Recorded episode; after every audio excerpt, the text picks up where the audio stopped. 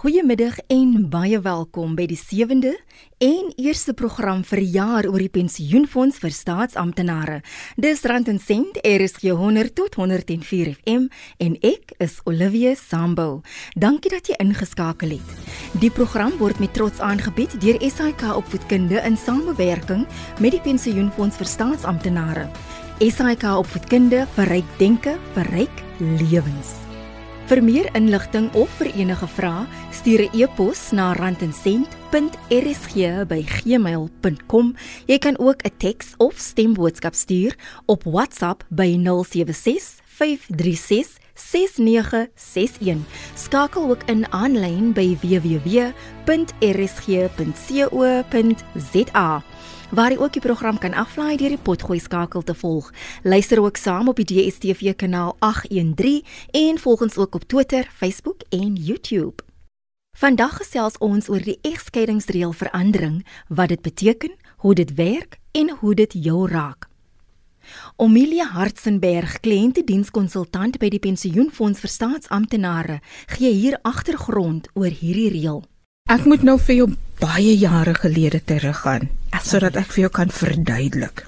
Okay, maar voordat ek dit gaan verduidelik, gaan ek weer eens terugkom na die GEPF toe. Die GEPF is 'n entiteit op sy eie wat voorgeskryf word deur die JEP Law van 1996. Alle ander fondse in Suid-Afrika word voorgeskryf deur die Pension Fund Act. So as die Pension Fund Act vandag verander op iets spesifiek, hierdie ander fondse in Suid-Afrika nie 'n keuse om nie hulle wetgewing aan te pas nie. Hulle word geforseer om te doen behalwe die GPF. Nou dit is presies wat gebeur het met die Divorce Act of 1979. 1979 was hierdie Divorce Act geïmplementeer. En basies as 'n persoon geskei het, nê, nee, volgens hierdie egskeidingswet, dan moes die eksgade gewag het tot die lid eendag uit diens uittreë voor hy of sy sy egskeiding gedeelte kan optel. Toe kom 2007. Toe is die wetgewing toe bietjie verander deur die egskeidingswet en dit sê vanaf 2007 kan ons nou 'n lid uitbetaal eksgade uitbetaal terwyl die lid nog in diens is. Alle fondse was geaffekteer behalwe die GEPF. Dit was 2007. Die 1ste van die 4de 2012 is die GEPF se wetgewing verander wat toe nou ook vir die GEPF toelaat om eksgades uit te betaal terwyl ons lid nog in diens is. So, jy kan jouself indink. Toe 1/4/2012 aanbreek, het ons al reeds gesit met plus minus 7000 lede wat geskei was. En die wetgewing het toe vir ons nou toegelaat om hierdie eksgades uit te betaal terwyl die lid nog in diens was. Die reaksie op die verandering was oorweldigend, maar daar was nog verdere veranderinge wat later weer aangebring is. Kom ek sê jou, dit was 'n stormloop. Soos die, die eksgades kom klein met. Ooh, meisie. Maar weet jy, die reëls het weer verander na 1/4/2012. Dit is die nuutste. Hy's nog vars van die pres af.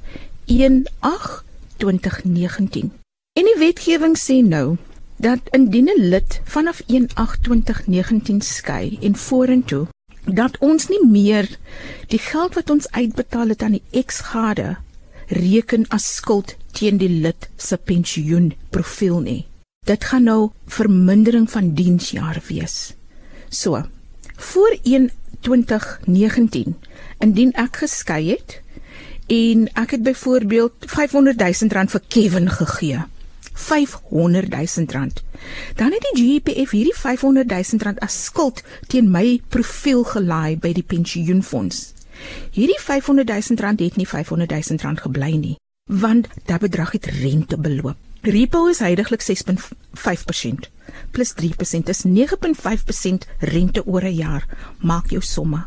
So as jy nie die geld terugbetaal nie, dan kan daardie bedrag 'n astronomiese bedrag op die einde van die dag wees, waarvan net 500 000 rand vir Kevin gegee was, so by aftree datum skuld ek nou 8 of 900 000 rand. So dink jou in hoe die mense gejubel en gejuig het 1 Augustus 2019. Maar wat van lede wat reeds geskei was voordat die veranderinge in werking getree het? Ek het nou verduidelik hoe dit werk as jy skei vanaf 1/8/2019 en vorentoe.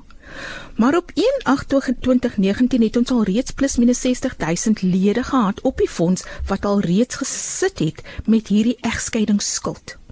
Hierdie lede is toe nou 'n een eenmalige opsie aangebied om te sê, luister, ek wil bly op hierdie skuldbenadering of ek wil oorgeplaas word na die vermindering van jare. Natuurlik moes daar berekening individuele berekeninge gedoen word vir elke lid, want almal se se skuld is nie dieselfde nie en hulle ouderdomme is nie dieselfde nie. So hierdie berekeninge is toe nou gedoen en die briewe is uit. So die brief wat Oumilia sou gekry het, sou gewees het Oumilia, ons het 500 000 rand vir Kevin gebetaal 3 of 5 jaar gelede. Heidiglik skuld jy vir ons 700 000 rand.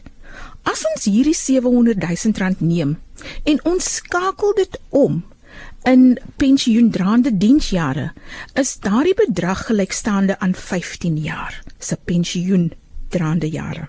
So jy het nou die opsie Oumelia, wil jy op hierdie skuldbenadering bly of wil jy oorgaan na die vermindering van diensjare? Omilie doen 'n ernstige beroep op lede om tog asseblief kennis te dra van die volgende inligting.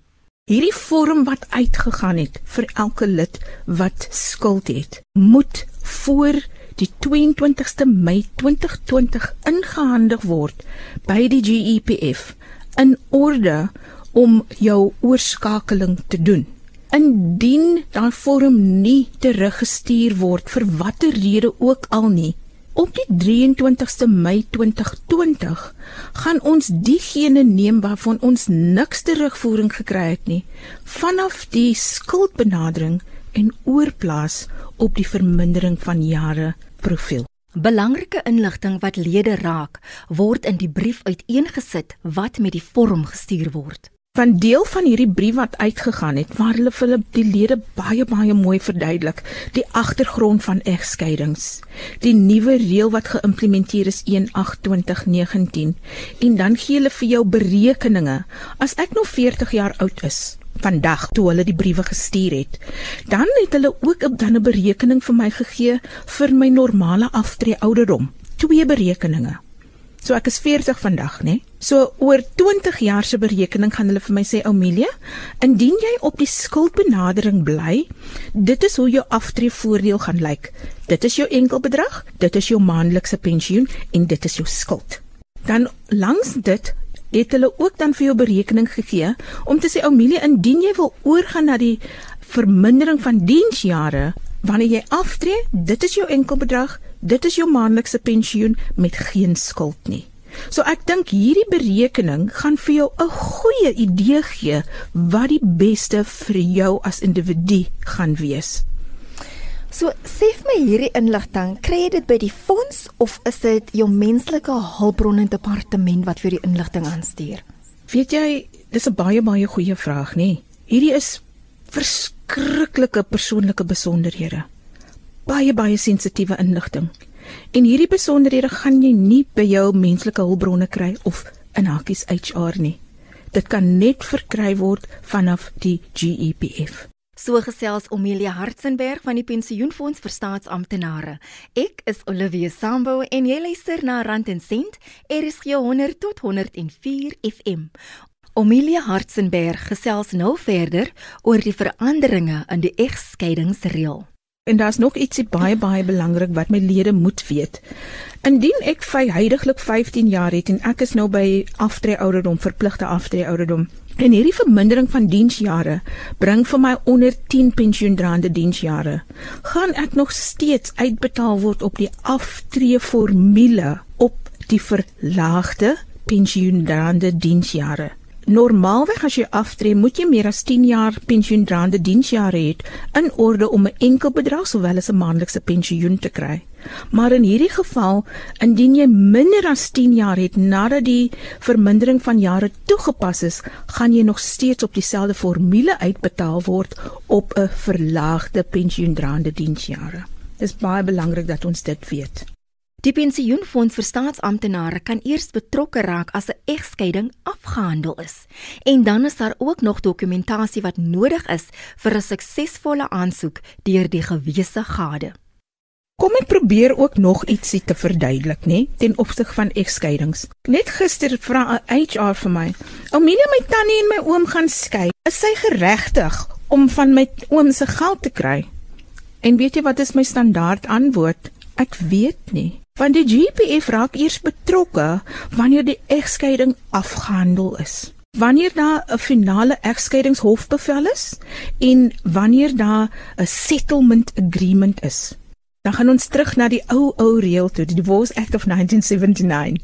Dit sê basies, daar moet 3 goed in hierdie dokument wees in jou skikkingsakte. Daar moet 3 goed wees.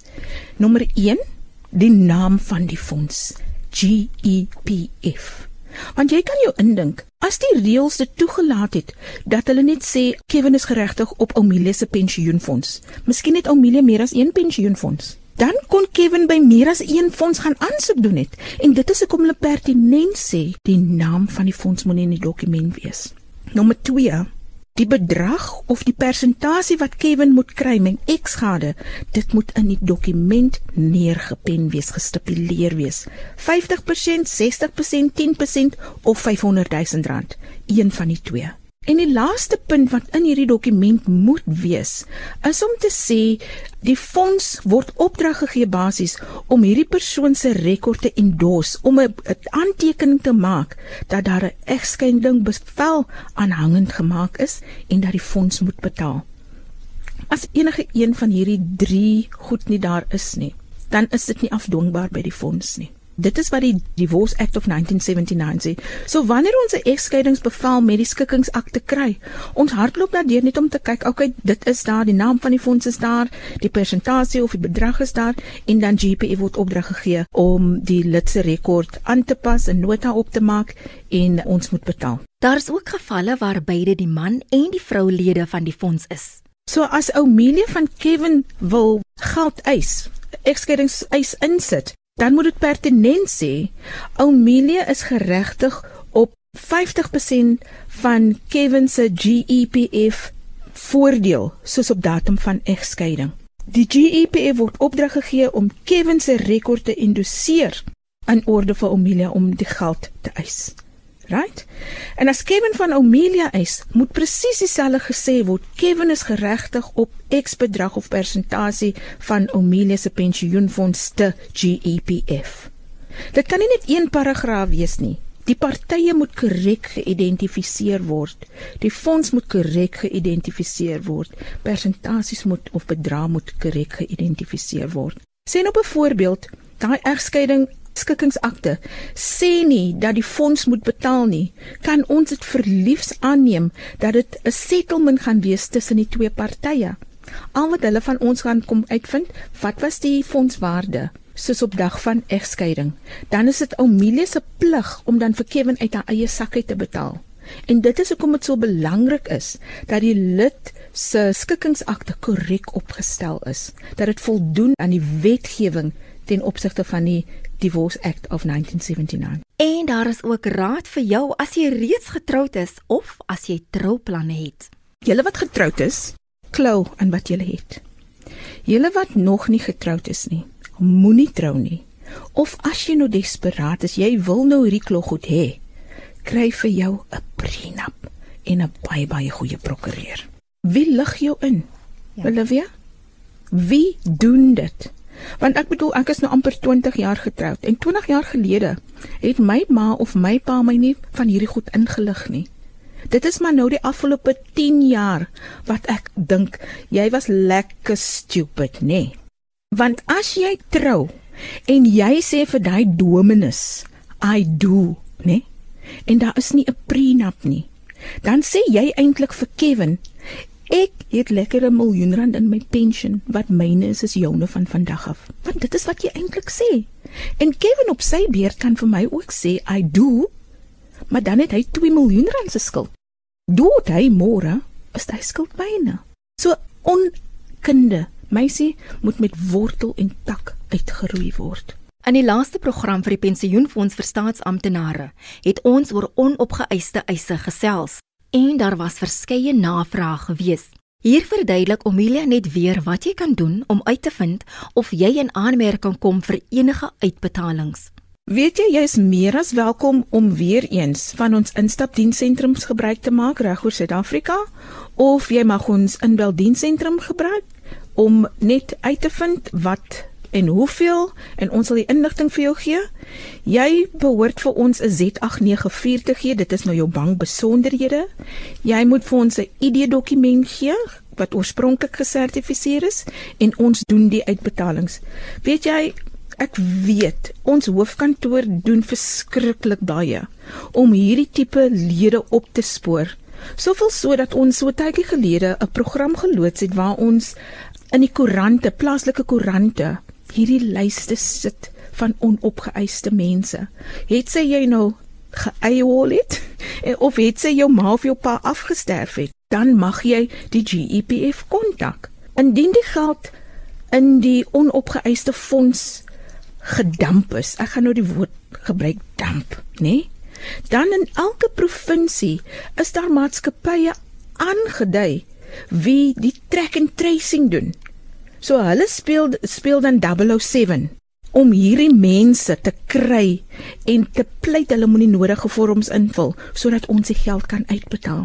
En dit was Amelia Hartzenberg van die Pensioenfonds vir Staatsamptenare.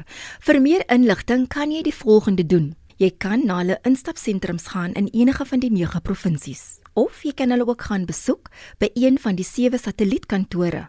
Jy kan ook die tolvrye nommer skakel by 0800 1 17669.